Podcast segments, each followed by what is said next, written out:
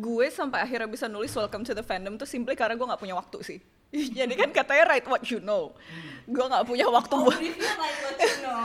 Oke. kan kan kan aturannya gitu kan. Kalau nulis tuh ya write what you know gitu kan. Nah sementara deadline-nya mepet, gue nggak punya waktu buat riset. Ya udah gue tulis aja tentang K-pop. Oh, it's so hard to do. Oh. Semua tokoh ini anak-anakku. Emang. Kukun nih munculnya nggak terlalu banyak kan di, buku lo setahu gue ya. Tapi Kukun adalah sebuah Tapi cuman gue ngerasa kok kalau K-pop tuh eh, orang ngeliatnya lebih beda ya dibandingkan yang lain gitu pak Pandang sebelah mata. pandang sebelah mata itu Rana yang ngomong bukan gue cuman ya intinya gitulah kayak gue boleh berkata kotor tidak Silakan silakan. Iya, kayak di- Tata belum. kayak ditai-taiin banget dan gue gue bingung kenapa gitu loh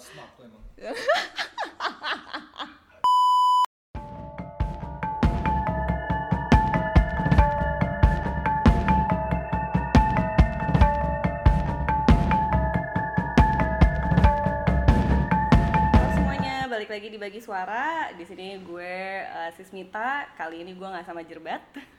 Ditemenin sama Raditya Alif yang infal ganti nyerbat. Em, dan hari ini kita eh, episode khusus untuk salah satu teman dekat bagi kata juga, yaitu Uti. Halo Uti. Halo. Dan Uti sekarang lagi sama Ines. halo Dan em, kita hari ini mau ngebahas em, project mereka, em, yaitu buku eh, Gandaloka Universe. Benar? The Magical Tales of Gandaloka. Nah, itu dia. Lebih benar. Oke. Ketahuan siapa yang belum baca eh, dan siapa yang udah.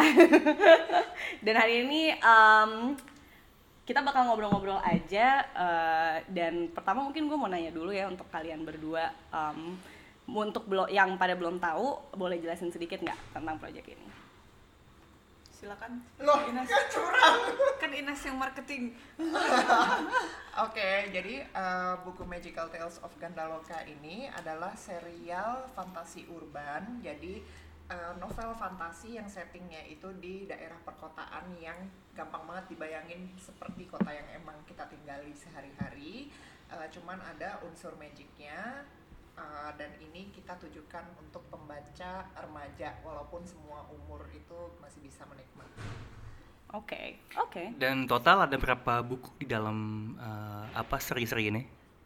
Eh, untuk awal ini jadi kita batch pertama waktu kita launching Magical Tales of Gandaloka itu langsung ada lima buku ada lima judul sekaligus yang pertama ada Halvi karya Priscilla Stefani Home karya Kainesasi atau aku.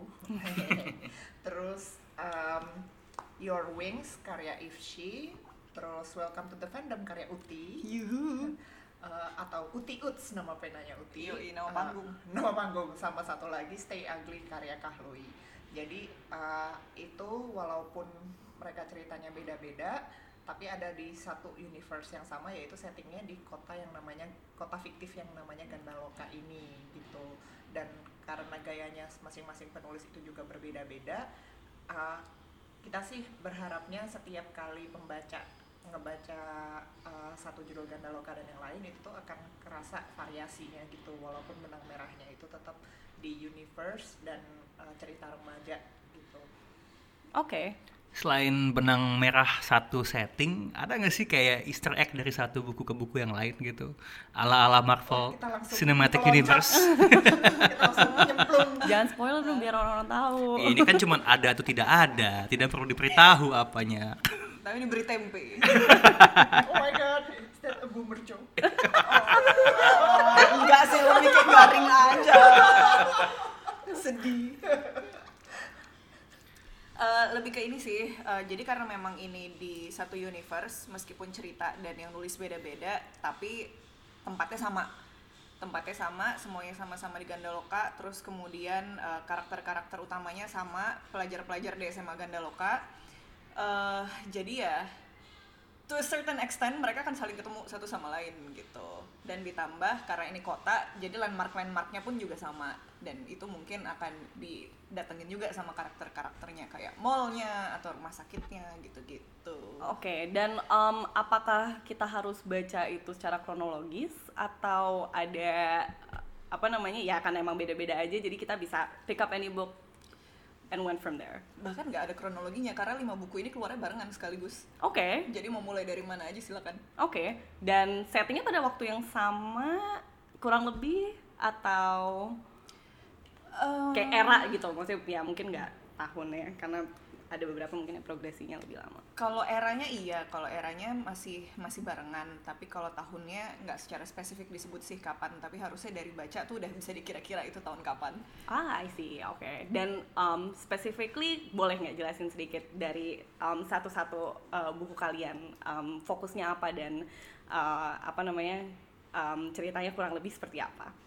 Oke, em, eh, dari buku yang Halvi dulu itu ceritanya eh, yang karya Priscilla Stefani itu ceritanya tentang seorang eh, anak manusia yang karena suatu kecelakaan dia akhirnya menjadi setengah oh iya em, ini nih yang belum diceritain soal Gandaloka. Jadi di Gandaloka itu eh, adalah kota yang ditinggalin dua macam makhluk. Yang pertama manusia biasa yang satu lagi siluman yang sehari-harinya itu mereka mengambil wujud manusia biasa. Tapi ya manusia kayak kita nggak tahu kalau sebetulnya tuh mereka tuh bukan manusia.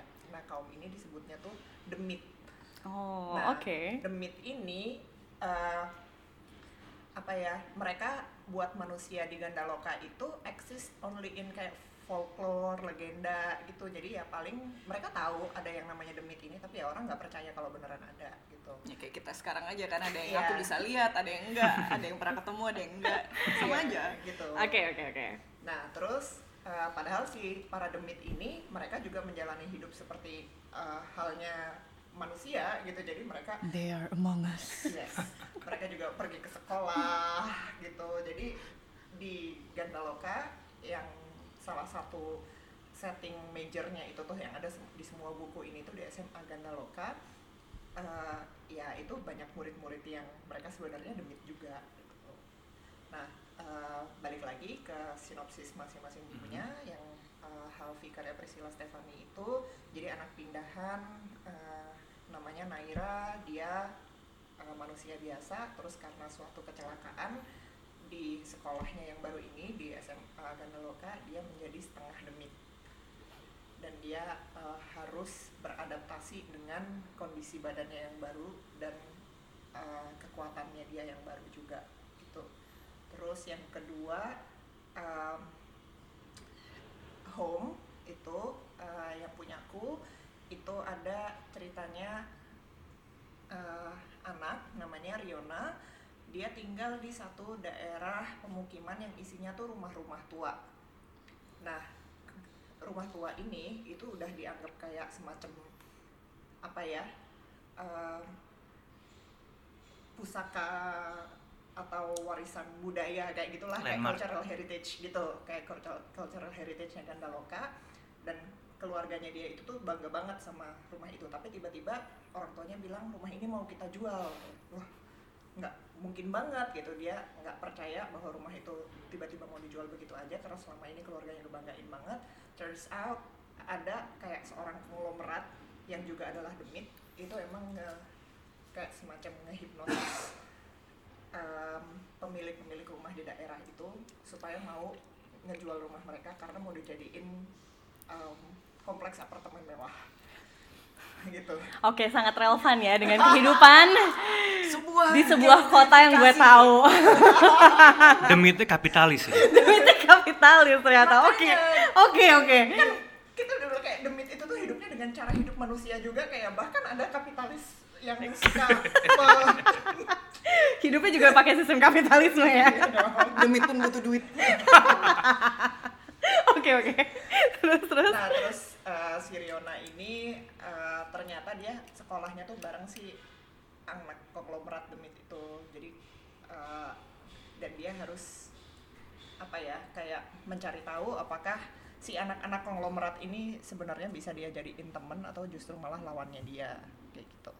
Itu yang home terus abis itu em, yang satu lagi stay ugly itu em, ceritanya tentang ini salah satu judul favorit aku sih personally karena lucu banget.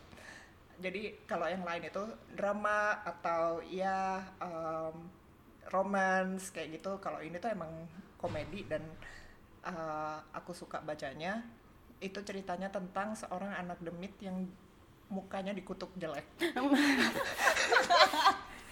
Dari premisnya aja. Oke. Dan dia jadi skeptis banget sama semua orang em, yang kayak gimana ya dia udah terbiasa bahwa dia tuh kalau diliatin orang itu tuh pasti pandangannya jijik gitu. Oh. jadi dia nggak percaya bahwa ada orang yang em, baik dari sananya. Apalagi kalau kayak si tokoh utama cowok di buku Stay Ugly ini udah ganteng baik sopan jago acting kayak gitu kan. Ini settingnya di ekskul teater gitu. Eh, jadi dia nggak percaya banget kalau pasti ini pokoknya si cowok ini ada udang di balik batunya deh. Kayak kok lu mau baik sama gue yang buruk rupa ini? Oke. Oke, agak-agak Beauty and the Beast Reverse, gitu ya, tapi reverse ya. reverse dan beastnya. tuh beastnya tuh luar biasa bitter gitu loh Wah parah. Ini juga salah satu favorit gue sih sebetulnya. Jadi kan si uh, uh, pemeran utama, eh ka- karakter utama. utamanya namanya kan si Sola kan. Dia tuh menemukan rumahnya tuh di ekskul teater. Karena di ekskul teater dia merasa orang ke sini mau melihat kemampuan acting gue, bukan muka gue. Gitu. Masalahnya ekskul ini tuh anggotanya cuma empat orang. Jadi kata osis, "Ah, ini buang-buang anggaran, bubarin aja lah. Solanya ngamuk. Oke, oke. Oke, oke, oke, oke. Kalau em, dari Uti sendiri Uh, kalau yang punya gue, uh, Welcome to the Fandom ini uh, ceritanya tentang seorang uh, fangirl sebuah K-pop group bernama Firin dan uh, dia suka banget sama grup ini bahkan dia sampai terinspirasi untuk bikin band dia sendiri gitu. Gara-gara grup ini. Uh, cuman pada saat dia mau ngejar konser si Firin ini di Jakarta pada hari yang sama ternyata bandnya dia sendiri pun akan manggung di sebuah pensi sekolah negeri bergengsi sehingga dia harus memilih nih gimana caranya gue bisa datang kedua-duanya dan sebagai seorang demit dia memanfaatkan semua magic yang bisa dia akses supaya dia bisa nonton dua-duanya Waduh, jadi bisa tampil tapi bisa juga harus menang banyak pokoknya senang banyak. Oke, itu juga terdengar familiar ya seperti remaja. Ngomong-ngomong soal sesuatu yang terdengar familiar ya, kalau dari tadi kan ada soal si demit butuh duit, kapitalis, tadi juga ceritanya kayak dia mesti di dua tempat di waktu yang sama gitu kan. Um, how much of the story you've written itu based on kehidupan kalian sendiri atau mungkin teman-teman di sekitar kalian? Wah, kalau ini sebetulnya harus ditanya ke penulisnya masing-masing ya. Hmm. Em, sekalian satu lagi ada bukunya judulnya Oh, Your. Wings yang Hmm. ditulis Ifshi. Itu ceritanya adalah tentang seorang cowok yang tiba-tiba diputusin sama mantannya, diputusin sama pacarnya dan susah move on. Mhm. Dan sekalinya ada anak baru di sekolah, anak ini tuh malah ngingetin dia sama mantannya. Eh, terus ujung-ujungnya dia berhasil nih melupakan mantannya. Kenapa? Karena dia mergokin si anak baru ini yang ternyata bukan orang. Jadi akhirnya dia kayak obses pikiran yang satu digantikan oleh pikiran yang lain. Itu yang Your Wings. Jadi akhirnya dia penasaran sama si anak ini. Dan kembali lagi ke pertanyaannya Rana, seberapa banyak ini eh, berdasarkan cerita penulisnya masing-masing gua nggak bisa ngomong untuk penulis yang lain. Tapi kalau misalkan untuk buku gue itu banyak yang meminjam dari cerita hidup gue sendiri sih. Bagaimana dengan Ines? Em, ada nggak ya? Eh, Iya banyak sih yang eh, minjem dari cerita dan pengalaman hidup gue, tapi em, mungkin karena eh, jadi asal usulnya kenapa si tokoh utamanya Riona itu tuh bisa tinggal di rumah lama itu ya karena emang eh, orang tuanya itu eh, udah tinggal di sana, keluarganya udah tinggal di sana dari zaman kakeknya kakeknya. So there adalah salah satu orang yang membangun Gandaloka kayak Hmm. gitu. Um, dari zaman uh, kolonial Belanda dan itu memang ada keluarga gue juga kayak gitu jadi kakek nenek kayak gitu tuh um, I don't know apa ya uh, mereka cukup jadi tipe-tipe kakek nenek yang bisa bahasa Belanda Hmm. gitu kerja di pemerintahan um, yang ada hubungannya dengan Belanda Hmm. kayak gitu terus um, ya ini hitungannya kayak eh, ngomongin yang jelek nggak ya? Kayak gue kayak mohon maaf nih almarhum kakek dan nenek karena ya begitu zaman kemerdekaan kayak gitu juga eh, gabung ke ya pokoknya bagian dari orde baru gitulah. So like keluarga yang Oke. ya gitu gitu. Em, dan gue nyesel karena gue nggak menggali em, sejarah itu ketika eh, kakek nenek gue masih ada.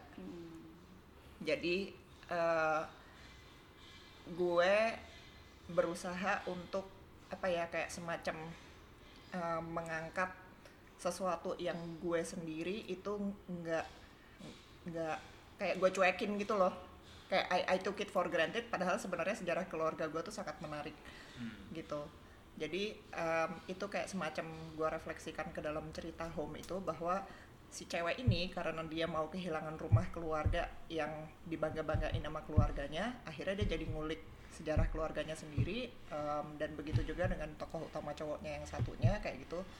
Em, walaupun dia seorang demit ya dia uh, sebelum kejadian ini itu nggak terlalu tahu banyak tentang keluarganya so um, ya jadi kayak uh, this this is a journey of two teenagers kayak gitu berusaha untuk cari tahu roots mereka sendiri dan Oke. itu kayak kenapa gue nggak dulu nggak kayak gitu Jadi gitu. karakter Gitu. developmentnya, ya keinginan lo karakter development lo Iya, seperti itu ya. iya gitu Oke oke. Em, tapi kan emang ini kayak eh, walaupun kayak bukunya tentang fantasi lah ya, uh, let's say gitu ya. But you're crossing genres kan sebenarnya dengan kayak tadi lo juga pengen uh, mengangkat sejarah uh, yang berdasarkan dari inspirasi juga dari hidup lo sendiri. Kalau lo sendiri ti um, inspirasi lo in that terms apa yang kayak membuat lo jadi mungkin lebih uh, justru lebih ini ya lebih jelas ya dari judul lo K-pop, K-pop. dari judul lo udah lebih udah lebih tell all ya tapi boleh silakan Uh, diceritakan gue sampai akhirnya bisa nulis Welcome to the Fandom tuh simply karena gue nggak punya waktu sih.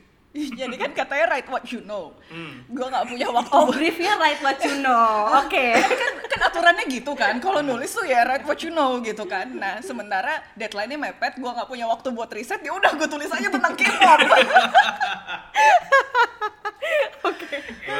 Soalnya ini kan lumayan lumayan cepet kan ngerjainnya. Em, awalnya tuh gue udah bikin satu cerita yang lain, terus kayak pas di tengah jalan gue ngerjain ini, eh, gue udah nulis sam- kayak sekitar 30 halaman, babak satunya tuh udah beres. Terus gue sadar bahwa cerita gue tuh bubar di tengah jalan, gue nggak suka sama cerita ini, gue nggak suka sama karakter utamanya, gue bingung kan, gimana nih caranya, gimana cara gue benerin ini sampai akhirnya gue pikir kayaknya akan lebih cepat kalau gue ganti cerita aja deh. Ya udah jadi gue ganti cerita, gue ganti cerita di tengah jalan, dan gue selesaikan ini em, dengan niat tidak mempersulit diri sendiri. Ya gue tulislah tentang seorang fangirl K-pop. Eh, jadi memang kalau dibandingin sama eh, empat buku Gandaloka yang lain punya gue agak sedikit beda karena yang punya gue sebetulnya lebih coming of age daripada romance. Oke. Eh, eh, jadi memang ceritanya itu adalah tentang ya bagaimana si Kisha ini dari anak-anak menjadi sedikit lebih dewasa lah dibandingkan eh, ke fokus romance dia gitu. Tadi Ines nyebut soal tokoh utama di dalam bukunya uh, Riona. Uh, lo tadi barusan nyebut Kisha. Gue ngelihat dari respon yang ada uh, dalam rev- review-review yang kalian kumpulkan, ya, uh, one-liner one-liner dari mungkin orang di sosial media yang udah baca bukunya. Salah satu um, kesan positif yang cukup sering diangkat tuh soal tokoh-tokoh tertentu, the characters gitu. Nah, um, di masing-masing buku kalian, if you had to pick a bias terhadap Wah, oke. salah satu tokoh, who would that person be? Karena gue pun uh, disclaimer, gue udah baca bukunya Uti, gue belum baca, uh, uh, belum ngabisin bukunya Ines gitu, but I also have a favorite character, at least from your book. Oke. Tapi masing-masing kalian siapa? If you had to pick a favorite, Eh, Oh, it's so hard to do. Oh. Semua tokoh ini anak-anakku. Emang maksudnya siapa ya? Eh, That's a mean question. gue torn antara Adrian atau Kukun. Eh, Kukun ini mah kalau Kukun Kukun beneran bias. Eh, cuman eh, milih satu, gue pilih Adrian deh. Oke. gue pilih Adrian. Kenapa tuh? Em, apa ya? Karena eh ini agak susah nih karena kalau misalkan dari dari proses penulisan sendiri, eh, gue ngerasa Adrian ini lumayan susah nulisnya. Hmm. Jadi em, jadi karakter gue ya karakter utamanya kan ada dua nih si Kisha sama Adrian. Dua-duanya nih demit. Kalau si Kisha karakternya itu kekuatannya tuh adalah sihir kromatis jadi warna. Em, dalam arti ya dia megang suatu permukaan dia bisa mengubah warnanya jadi apa pun yang dia mau. Cuman bentuk aslinya pun juga warna-warni dan itu tuh warnanya tuh berubah sesuai dengan moodnya dia gitu. Kalau lagi marah warnanya apa, kalau lagi sedih warnanya apa. kayak mutring ya. Iya kayak mood ring. jadi kan PR juga hidup lo gitu karena orang jadi tahu kalau lo tuh lagi bete atau lo lagi happy lagi seneng gitu Nggak kan. bisa poker face dia. Iya susah banget. Sementara di satu sisi Adrian uh, kekuatannya itu tuh dia lebih uh, he's an empath Hmm. dalam arti dia bisa ngerasain emosi orang lain.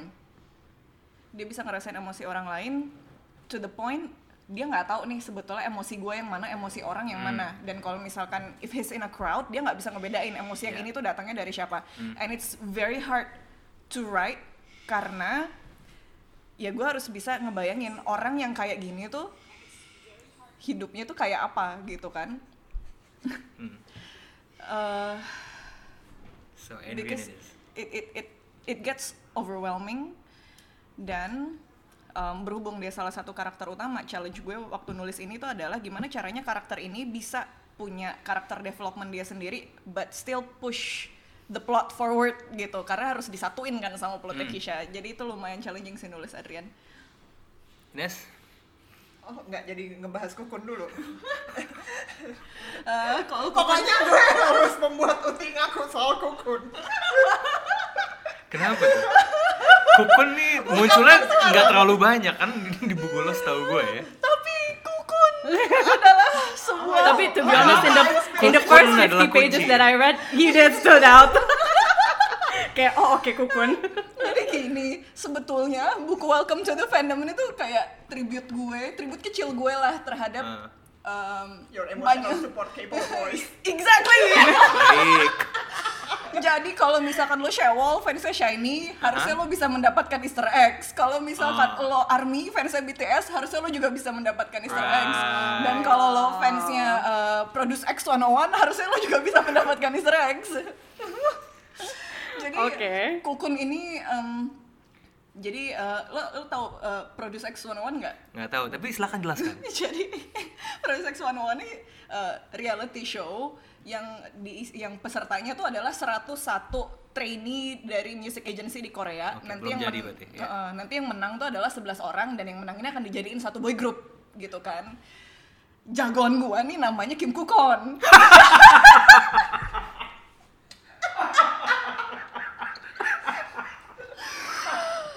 dan gua suka ini, suka banget nih sama Kim Kukon. Oke. I see where the name came from now. Ini next level fandom Next loh ini. level Ini, fandom. Ini, ini, Kayak ini mentok ini fandom ini. nyanyi bisa, Ya. nari bisa, eh, nge-rap bisa, bikin koreografi bisa, bikin lagu bisa, ganteng iya, semuanya bisa dan dia kalah. Sebagai hadiahnya dia di, dia dijadikan demit. Iya, iya, iya, iya. Dimortalisasikan Iya. di karyanya Uti. Iya, Justice for Kukun. jadi makhluk goib ya. Oke, oke. Ini oke. jadi kayak semacam love letter gitu ya sebenarnya Iya. untuk Jadi Oke. kayak gue akan memberikan dia keadilan yang tidak dia dapatkan di PDX 101. I see. Nih, Oke, Uti oke. sudah oke. berapi-api pengakuannya. Iya, iya, Siapakah biasnya Ines? Ayo ngaku. Bias gue di buku kan ini. iya, iya, buku, buku, buku, buku. Iya, oke. Um, sebenarnya gue juga agak torn antara Hmm. Riona sama Haniel. Oke. Um, Jadi tokohnya yang yang sentral itu kan ada tiga, ada Riona, Haniel, sama Samuel. Haniel sama Samuel ini kakak adik dan dia anaknya si konglomerat demit yang um, main villainnya di buku gue Hmm. gitu. Terus um, gue suka Riona karena um, gue berusaha sangat keras untuk um, jadi karena suatu hal di plot yang tidak bisa Ya, ya, nggak apa-apa. sebutkan Iya tanpa iya iya spoiler, ya, tanpa spoiler ya. Oke spoiler Read the sih book. kita Um, spoiler. gue gue harus berusaha untuk menjaga sense of agency dia atau kontrol dia terhadap keputusannya terus um, ininya apa namanya um, kesadaran dirinya itu tuh supaya tetap kuat gitu karena emang dari awal dia adalah karakter yang um, makes her own decision ketika orang tuanya dihipnotis dan dia nggak punya um, karena dia anak tunggal dia Hmm. biasa um, rely ke orang tuanya kayak gitu um, she has to be the one who saves her um, family pride dan her family juga kayak gitu jadi emang dari awal dia karakter yang ngambil keputusan gitu kan dan itu nggak boleh berubah sampai akhir and I think um, I despite semua emotional turmoilnya si Riona ini uh, itu gue berhasil untuk mempertahankan uh, sense of agency itu. Dan jadi gue attached banget sama karakter Hmm. ini gue bangga banget kayak gitu. Kayak bangganya tuh bukan karena gue berhasil meng, apa ya berhasil menulis dia aja tapi karena kayak uh, I look up to her gitu as a person. Kayak seandainya dulu kayak gue waktu remaja tuh sekuat ini despite all my shortcomings kayak gitu. Karena si Riona ini juga punya flaws gitu Oke. tapi despite that um, dia uh, tetap menjadi seorang yang menurut gue kayak membanggakan gitu. Terus yang satu lagi yang namanya Haniel ini um, I think he grew the most gitu dan gue suka sama inner konfliknya dia. Um, yang ya itu unfortunately nggak bisa gue Iya. ceritain terlalu banyak kayak gitu tapi um, dari seseorang yang super ignorant um, terus gara-gara chance meeting dia um, mulai berusaha untuk menghadapi kenyataan bahwa uh, hidup lo uh, kondisi di mana lo dilahirkan itu tuh uh, it's up to you to make up for gimana ya tuh kayak sebenarnya tuh ada di tangan lo kayak gitu. Terutama ketika lo punya privilege untuk itu gitu. Kayak uh, this is a person who comes from a very privileged background gitu yang uh, he chose to be ignorant at the first place. Tapi kemudian kayak dia berusaha untuk make something out of his privilege itu tadi Oke, oke. Berarti untuk lo kayak sebenarnya the whole process is a bit therapeutic dong. Eh, Would you say that? I iya karena um, terapeutik dan kayak apa sih I I surprise myself ketika gue nulis itu juga kayak gue nggak menyangka mereka akhirnya tuh bisa jadi kayak gitu, gitu Oke. si karakter-karakter ini so it's definitely interesting karena ini juga pertama kalinya gue nulis dalam bentuk prosa gitu fiksi biasanya gue soalnya nulisnya skrip komik kayak gitu dan kalau untuk komik itu kayak lu bisa ngumpet di balik gambar ilustrator lo yang Iya, keren iya. kayak gitu sementara kalau ini tuh beneran kayak kalau misalnya ceritanya jelek atau um, bahasa lo jelek kalimat lo Hmm. jelek kayak gitu it's all you gitu Oke. Um, in that regard, kayak gue pengen balik tadi ke uh, lo bilang perbedaannya antara nulis i- ini dan uh, komik gitu ya. What was the writing process like kayak for both of you kayak dulu? Um, apakah mulai lo mulai dari mana dan kayak tadi lo bilang sendiri kayak gue notice ketika kalian ngomongin tentang karakter-karakter ini juga you speak of them like when you're thinking in their like using their hat gitu kayak lo- what was that like um, for both of you untuk kalian? Eh, kalau gue, gue sebetulnya lebih lebih nyaman sih menulis long form. Jadi em, kan gue sebelumnya udah pernah nge-publish cerita pendek sama comic strip. Eh, tapi gue gue sendiri nulis long form tuh udah udah dari kecil dari SD. Tapi gue simpan sendiri aja karena jelek.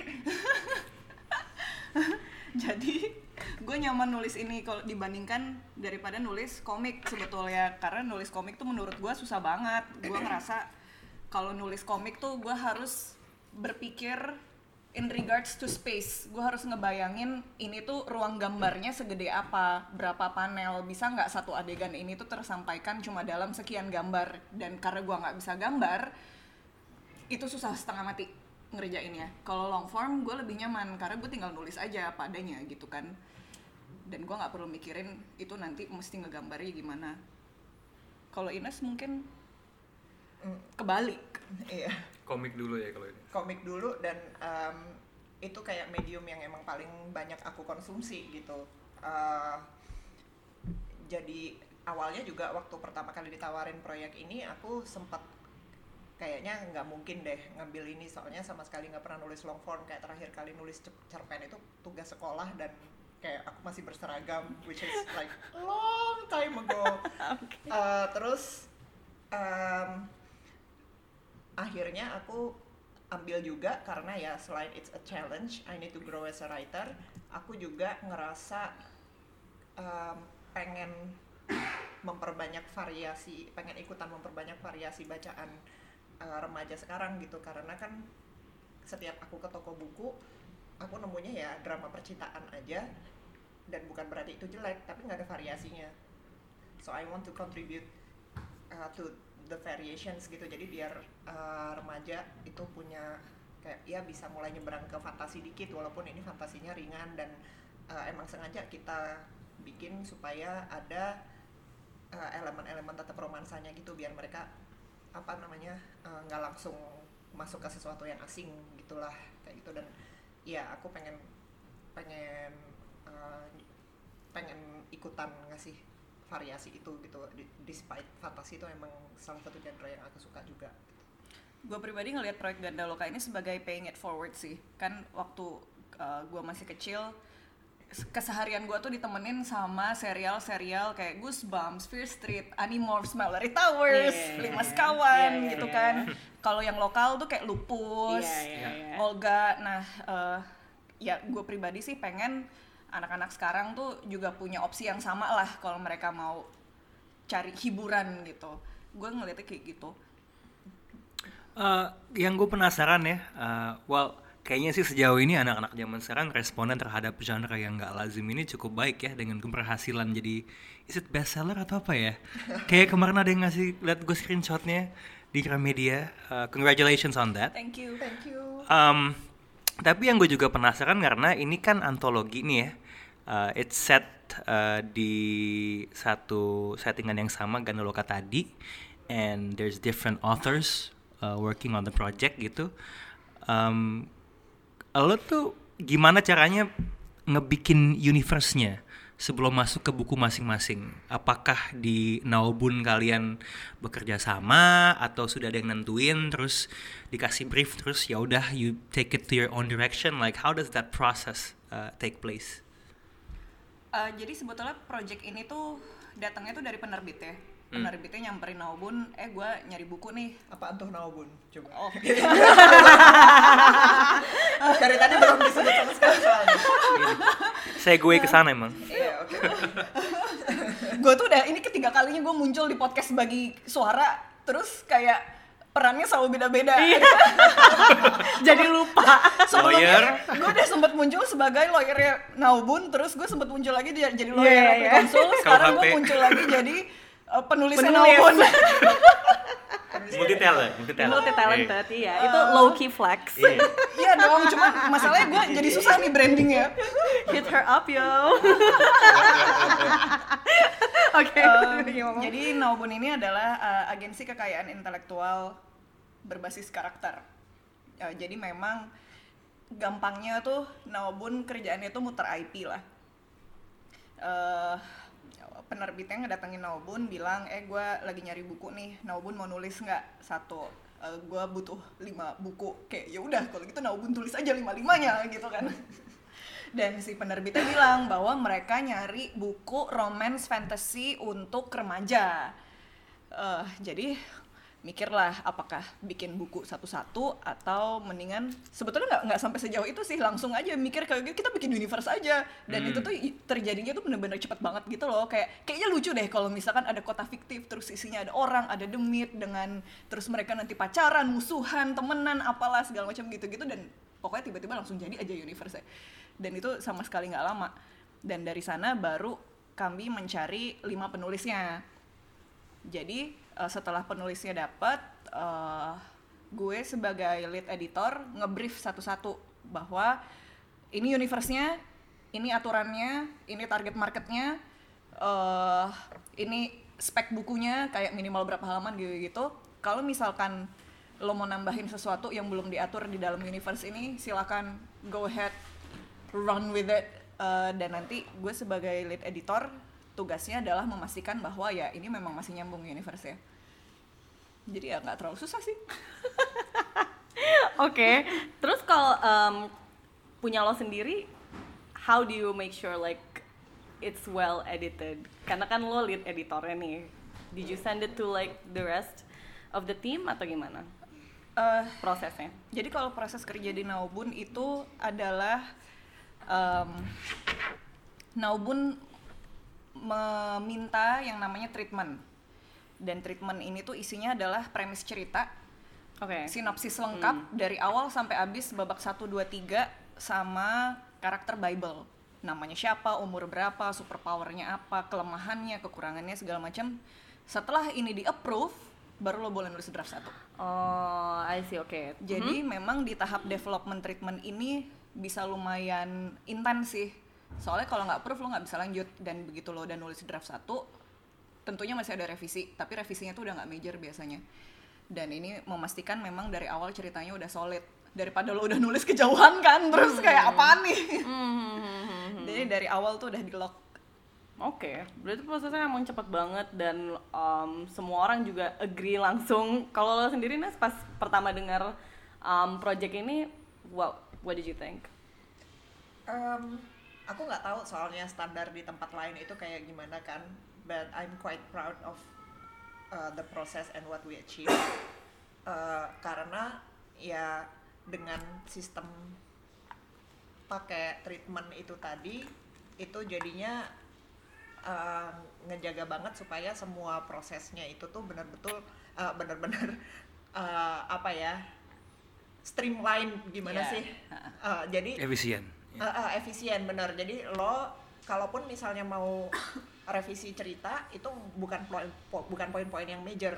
Karena di treatment itu pun juga udah kita kasih kerangka so ini uh, poin A B C yang lo lo harus isi itulah kayak jadi gitu. kawal dari awal ya? Yes. Ya jadi Oke. benar-benar begitu treatmentnya ini udah jadi itu harusnya kita udah nggak ngomongin soal plot holes soal karakter major dan segala macam kayak gitu karena semuanya tuh udah ada di treatment itu. Jadi em, prosesnya di draftnya itu nggak painful gitulah. Hmm. jadi nggak nggak harus nulis ulang atau kayak gimana gitu-gitu. Eh, karena semuanya udah di begitu udah lolos editing treatment itu ya udah draftnya harusnya lo udah tinggal ke soal em, penulisan gimana ya kayak seberapa sesuai dengan treatment melenceng apa enggak. Karena kan kadang-kadang ketika nulis draft ya lo uh, ketemu sesuatu yang baru aja kayak Hmm. gitu. Tapi ternyata itu melenceng dari treatment lo sendiri itu mesti diomongin lagi gitu. Terus habis itu em, eh, kadang karena treatment itu isinya baru kalimat-kalimat uh, singkat kayak ada oh lo ternyata uh, banyak apa ya uh, tata bahasanya mesti kayak gimana. Nah itu tapi harusnya sih nggak terlalu gimana ya itu kayak minor editing aja gitu sebetulnya. Bukan plot editing yang major. Jadi itu sih yang gue lumayan bangga sama si proses penulisan ini. Kalau secara pribadi ya hal-hal klasik yang kayak writer's block dan Hmm. ya kayak gitu kayak gitu aja lah kayak gimana sih itu menceritakannya kayak ya ya udah kayak emang ada beberapa minggu yang lo habiskan uh, wallowing in desperation kayak And kayaknya self-hate. kayaknya nggak mungkin selesai deh kayak gitu dan lo nggak bisa nulis apa-apa kayak gitu tapi terus kemudian kayak ada keran yang dibuka dan lo tiba-tiba dalam semalam nulis 10.000 ribu kata kayak gitu juga bisa in the zone ya. Iya. Sebenarnya tadi gue sempet nanya soal universe-nya tuh karena gue nggak tahu ya. Gue tuh kalau dengar kata myth itu kan the, myth kan ya. Um, bayangan gue tuh some sort of monster tradisional. But what I love about these books adalah uh, ini gue sambil mengutip uh, punggungnya. Um, kaum siluman bernama Demit menghuni Gandaloka sejak lama. Mereka tinggal di antara manusia dengan wujud manusia dengan cara hidup manusia. Gue merasa demit-demit yang kalian tulis ini dibalik semua superpowernya eh, sangat-sangat manusiawi, sangat-sangat humanis. Was that always a conscious choice and uh, what was the creative decision behind it gitu loh? In in coming up to to, to making it like that. Eh, alasan paling utamanya sih sebetulnya we want to make a relatable story karena fantasi itu kan bukan suatu genre yang common di Hmm. Indonesia. Ya common sih if you count supernatural atau Ya. cerita-cerita horor. Tapi kan kita nggak mau bawa ke sana kan. Hmm. ini eh, karena fantasi itu sebetulnya ada ada pembacanya di sini. Tapi memang kebanyakan fantasi terjemahan. Kayak yang baca Harry Potter, Twilight, Maze Runner, Divergent gitu-gitu kan banyak banget gitu. Kenapa yang lokal kita nggak punya? Ya mungkin karena nggak relatable. Hmm. ya udah jadi dan dari awal emang udah dibilangin kan bahwa ini bukunya buat remaja. Ya semakin banyak lah alasan untuk bikin cerita yang relatable. Jadi ya ya harus dibikin sedekat mungkin dengan sehari-hari gitu kan. Karena kalau nggak ya bingung. Begitu. Ines?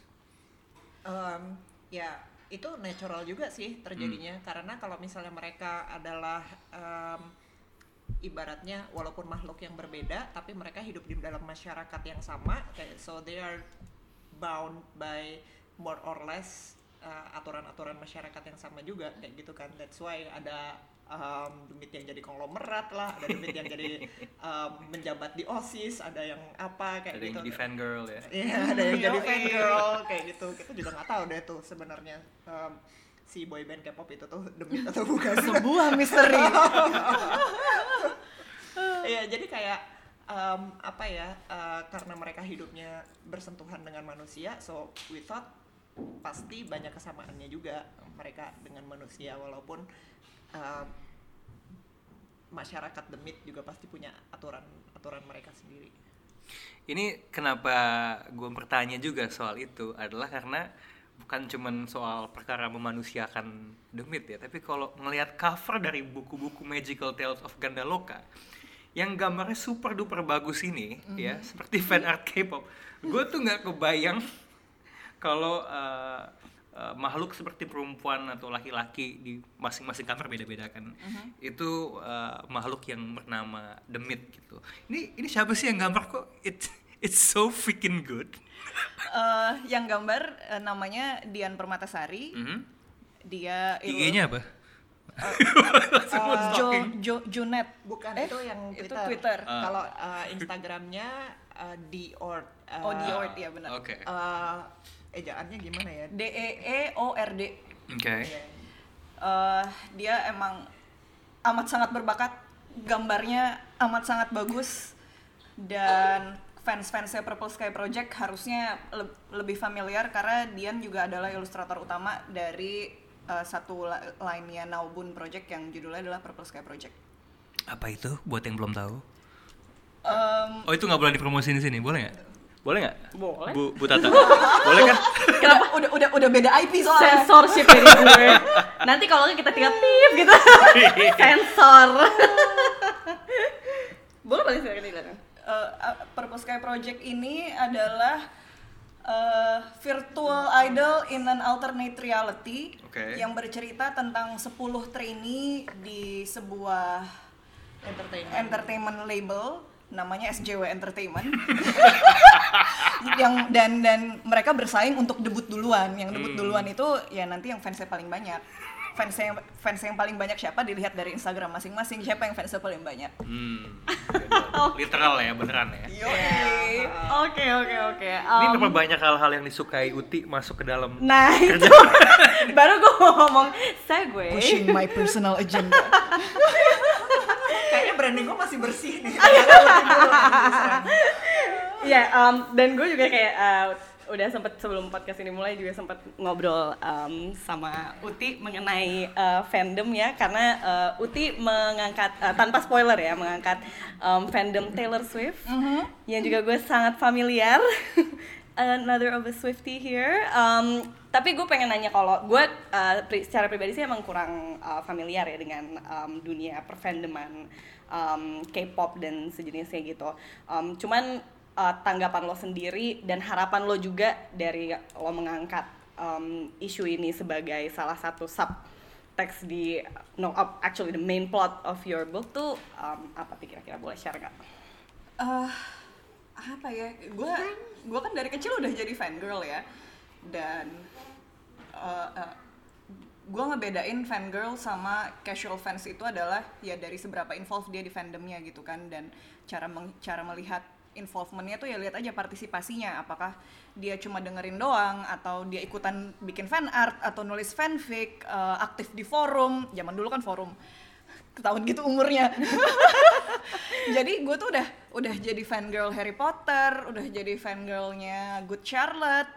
Terus ya kemudian gue masuk kejeblos ke K-pop dan gue jadi fangirl Shiny. Gue ngelihat sebetulnya fangirling itu tuh sama aja apa pun apa pun artisnya apa pun barangnya cuman gue ngerasa kok kalau K-pop tuh eh, orang ngelihatnya lebih beda ya dibandingkan yang lain gitu. Dipandang sebelah mata. Pandang sebelah mata. Itu Rana yang ngomong bukan gue cuman ya intinya gitulah kayak gue boleh berkata kotor tidak silakan silakan Iya, kayak mumpung Tata belum oh, iya.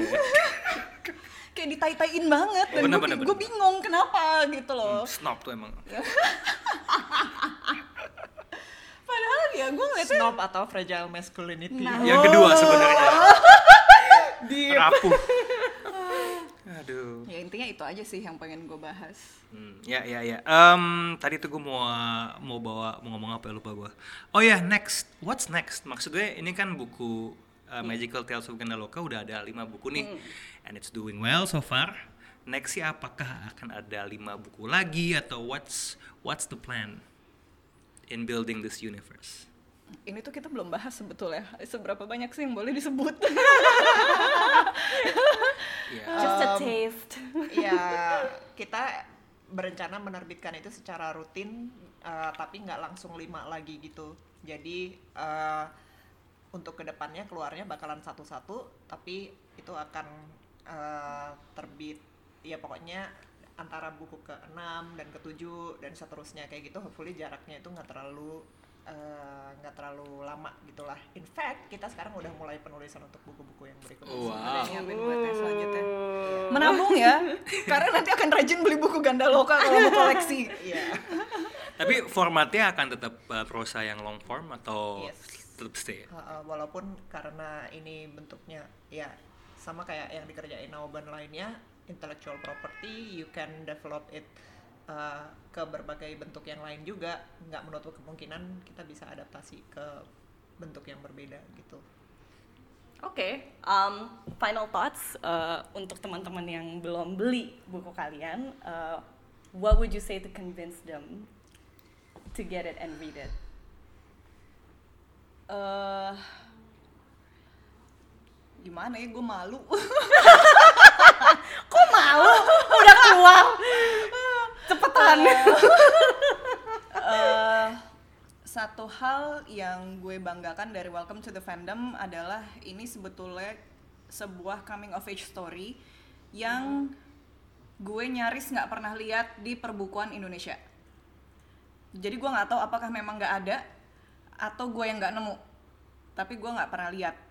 Em, satu itu dan kedua gue merasa telah menulis sesuatu yang bertanggung jawab dan accountable. Dan hopefully still entertaining gitu. Eh, karena gue bener-bener usaha untuk meng- menyuguhkan sesuatu yang uh, memang nggak kejauhan dari kehidupan sehari-hari. Lo masih bisa relate baik lo suka K-pop maupun enggak baik lo seorang fangirl maupun enggak karena pada dasarnya ini tuh sebetulnya cerita tentang seorang remaja cewek yang struggling sama apa yang dia lalui sehari-hari antara sekolahnya, ekskulnya, persahabatannya, keluarganya, dan sama apa yang dia sendiri tuh pengen kejar gitu. Pada, pada akhirnya itu sebetulnya itu cerita tentang itu. Dan gue merasa gue sudah menyampaikan cerita ini dengan cukup baik dan gue cukup bangga dan gue akan amat sangat merasa tersanjung dan terhormat kalau lo memberikan buku ini kesempatan. Ines Oke, em, gue juga bingung sebetulnya kalau ditanyain kayak gini tuh kayak, aduh, kayak inilah sebabnya kayak hidup bertahun-tahun dalam self deprecating. Tunggu abis nih. mungkin eh, gue cukup bersyukur aja deh karena feedbacknya sejauh ini positif eh, dan yang paling bikin gue bangga dari buku gue adalah banyak yang setelah baca bilang wah ternyata fantasi itu nggak ribet seperti yang gue pikir sebelumnya Yes. jadi em, itu gue seneng banget karena berarti tujuan gue waktu pertama kali eh, nulis Gandaloka ini tercapai kayak dan pertama selain mereka jadi penasaran sama genre fantasi mereka juga jadi penasaran sama eh, buku Gandaloka yang lain karena di dalam buku gue itu yang paling banyak elemen world buildingnya Mhm. jadi kayak kalau pengen tahu sebenarnya masyarakat demit itu tuh seperti apa terus asal usul mereka gimana kota Gandaloka itu tuh em, isinya kayak gimana sih kayak gitu tuh banyak yang bilang em, ini buku cocok untuk jadi starting pointnya gitu. Dan em, sisa-sisanya sih adalah apa ya eh, ya gue berharap sama kayak Uti tadi gue berharap eh, orang mau ngasih kesempatan ke nggak cuma buku gue doang tapi juga ke Magical Tales of Gandaloka as a whole karena ini em, emang betul-betul sesuatu yang kalau menurut gue eh, sebagai pembaca sendiri gitu ya pembaca maksudnya kayak orang yang emang suka merhatiin buku gitu eh, belum banyak di Indonesia dan eh, kita benar-benar berusaha untuk nggak cuman ngebawa sesuatu yang baru but actually to do it really well gitu. Jadi kita eh, berharap intention itu eh, tersampaikan sih gitu dan untuk tersampaikan itu ya setidaknya em, orang coba dulu deh kayak buku ini gitu tersampaikan kok dan uh, apa namanya uh, emang kayaknya paling benar semua dibaca semuanya so you get that bigger picture of Gandaloka as a whole. Gue punya satu lagi pertanyaan yang lebih jijai lagi sebenarnya. Jijai. Lebih jijai, uh, lebih me- me- mengundang mereka untuk tidak hanya menjadi penulis tapi senpai gitu ya. Apaan? Um, ini kan buat podcast bagi suara kan kayak ini podcast yang didengerin sama orang-orang yang minta advice gitu kan, ya kan? Oke. Um, ada nggak satu advice yang akan lo kasih ke orang yang ingin menjadi uh, penulis fiksi? Ah, eh, nomor satu lo harus banyak baca. Lo nggak bisa jadi penulis kalau lo nggak baca. Oke senpai. You just want to say Iya, ini cuma pengen ngomong itu doang. Kesel banget. lo harus banyak baca. eh karena kelihatan banget karena kelihatan banget penulis mana yang jarang baca dan penulis mana yang banyak baca. Soalnya itu kelihatan banget referensinya dari mana itu kelihatan. Eh, terus apa lagi ya? Eh, banyak baca ya terus obviously banyak latihan nulis. Dan ya mesti latihan itu acquired skill. Nggak bisa se- sekali semalam langsung bisa tuh nggak bisa. Itu itu acquired skill. Ines tanpa self deprecation. Oke, em, kalau yang tadi itu adalah menurut gue eh, obvious tapi sering diremehkan. Yoi. Iya, jadi kayak merasa referensi gue udah banyak kok kayak gitu, tapi padahal mah kayak mungkin di situ-situ doang, kayak eh, genrenya kurang banyak explore segala macam atau kurang latihan. Yang menurut gue kurang obvious adalah lo harus eh, memperhatikan logika. ah iya bener I'm so sorry. Soalnya em, jadi banyak banget kita nemuin uh, kan Nawabon itu juga menerima banyak submission gitu ya. Jadi nggak cuma di proyek Gandaloka ini kita juga menerima banyak submission dari penulis. Dan itu kelihatan banget kalau um, orang itu tuh habis nulis apa di depan itu tuh di belakangnya udah lupa atau ya gimana ya nggak nyambung gitu loh. Karena misalnya katakanlah seseorang yang udah berniat A itu harusnya tuh nggak mungkin melakukan atau ngomong seperti B C D di belakang kayak gitu. Nah itu tuh sebenarnya bisa uh, dicegah dengan um, kebiasaan berpikir yang konsisten. Hmm. itu satu. Terus abis itu yang kedua um, jangan ngelimit um, jangan ngelimit skill set. Jadi kayak kayak aku tuh kan awalnya kayak comfortable di komik aja padahal kalau lo pengen survive sebagai penulis itu tuh um, lo mesti bisa versatile Hmm. karena kadang opportunity itu datangnya dari komik dari mungkin script film dari apa kayak Ya. gitu nah jadi lo mesti versatile kayak gitu terus habis itu um, itu dari skill sama dari genre juga karena ini juga pertama kalinya gue nulis romance dan ternyata gue suka You never kalau knew. mulai nggak mulai nulis ganda lokal gue nggak akan nggak akan tahu bahwa gue suka Menemukan ketertarikan Iya, baru ya. Self explorative juga ya ternyata. nulis, kayak sambil senyum-senyum sendiri terus kayak ah berhenti karena mesti guling-guling dulu gitu kayak ya gue nggak bakalan kalau gue tetap skeptis sama diri gue sendiri dan sama love story gitu katakanlah ya gue nggak akan tahu kalau gue ternyata suka nulis So open yourself up more Yes. ya. Oke.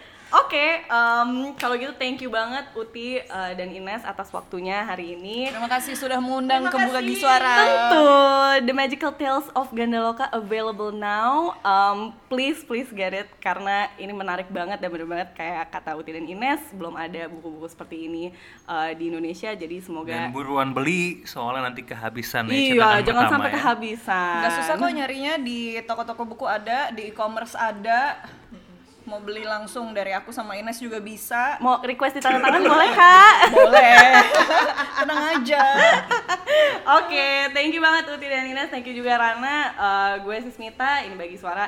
Uh, thank you sampai ketemu di episode berikutnya. Bye. Begitulah kurang lebihnya selamat malam. Terima kasih telah mendengarkan bagi kata salah bagi suara ding ya sebenarnya. Ulang, ulang, ulang. Ulang, ulang, ulang. Oke. Eh, terima kasih telah mendengarkan sesi bagi suara yang ke ya udah ulang-ulang. Nggak usah pakai yang Iya. ke berapa. Terima kasih telah mendengarkan sesi bagi suara. Selamat malam. Sampai jumpa di episode berikutnya. Perlahan dihapus angin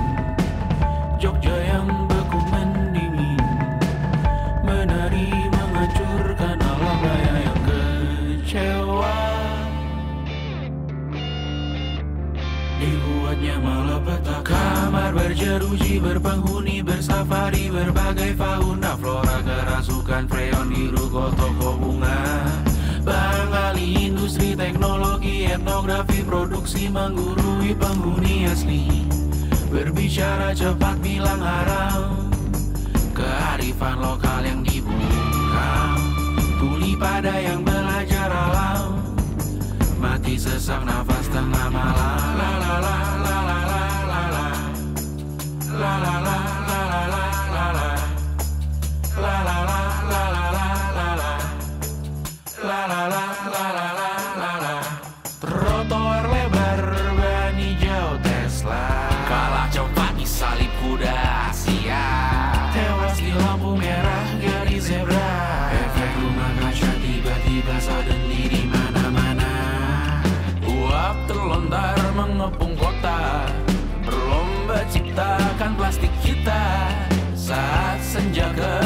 kehabisan kata Siang malam pun gelap gulita La la la la la la la la La la la la la la la la Kerja bakti menyusun neraka Kita miliki bahan bakarnya Perihal waktu tunggu datangnya O2 dijual oleh negara Oh terima kasih kan usahanya Sedotan besi plastik cycle tiga.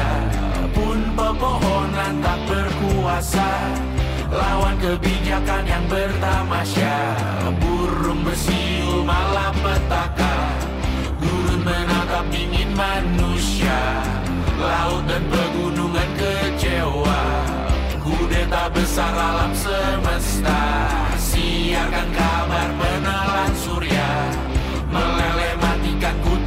tentara. Amalkan tarian penghancur raya.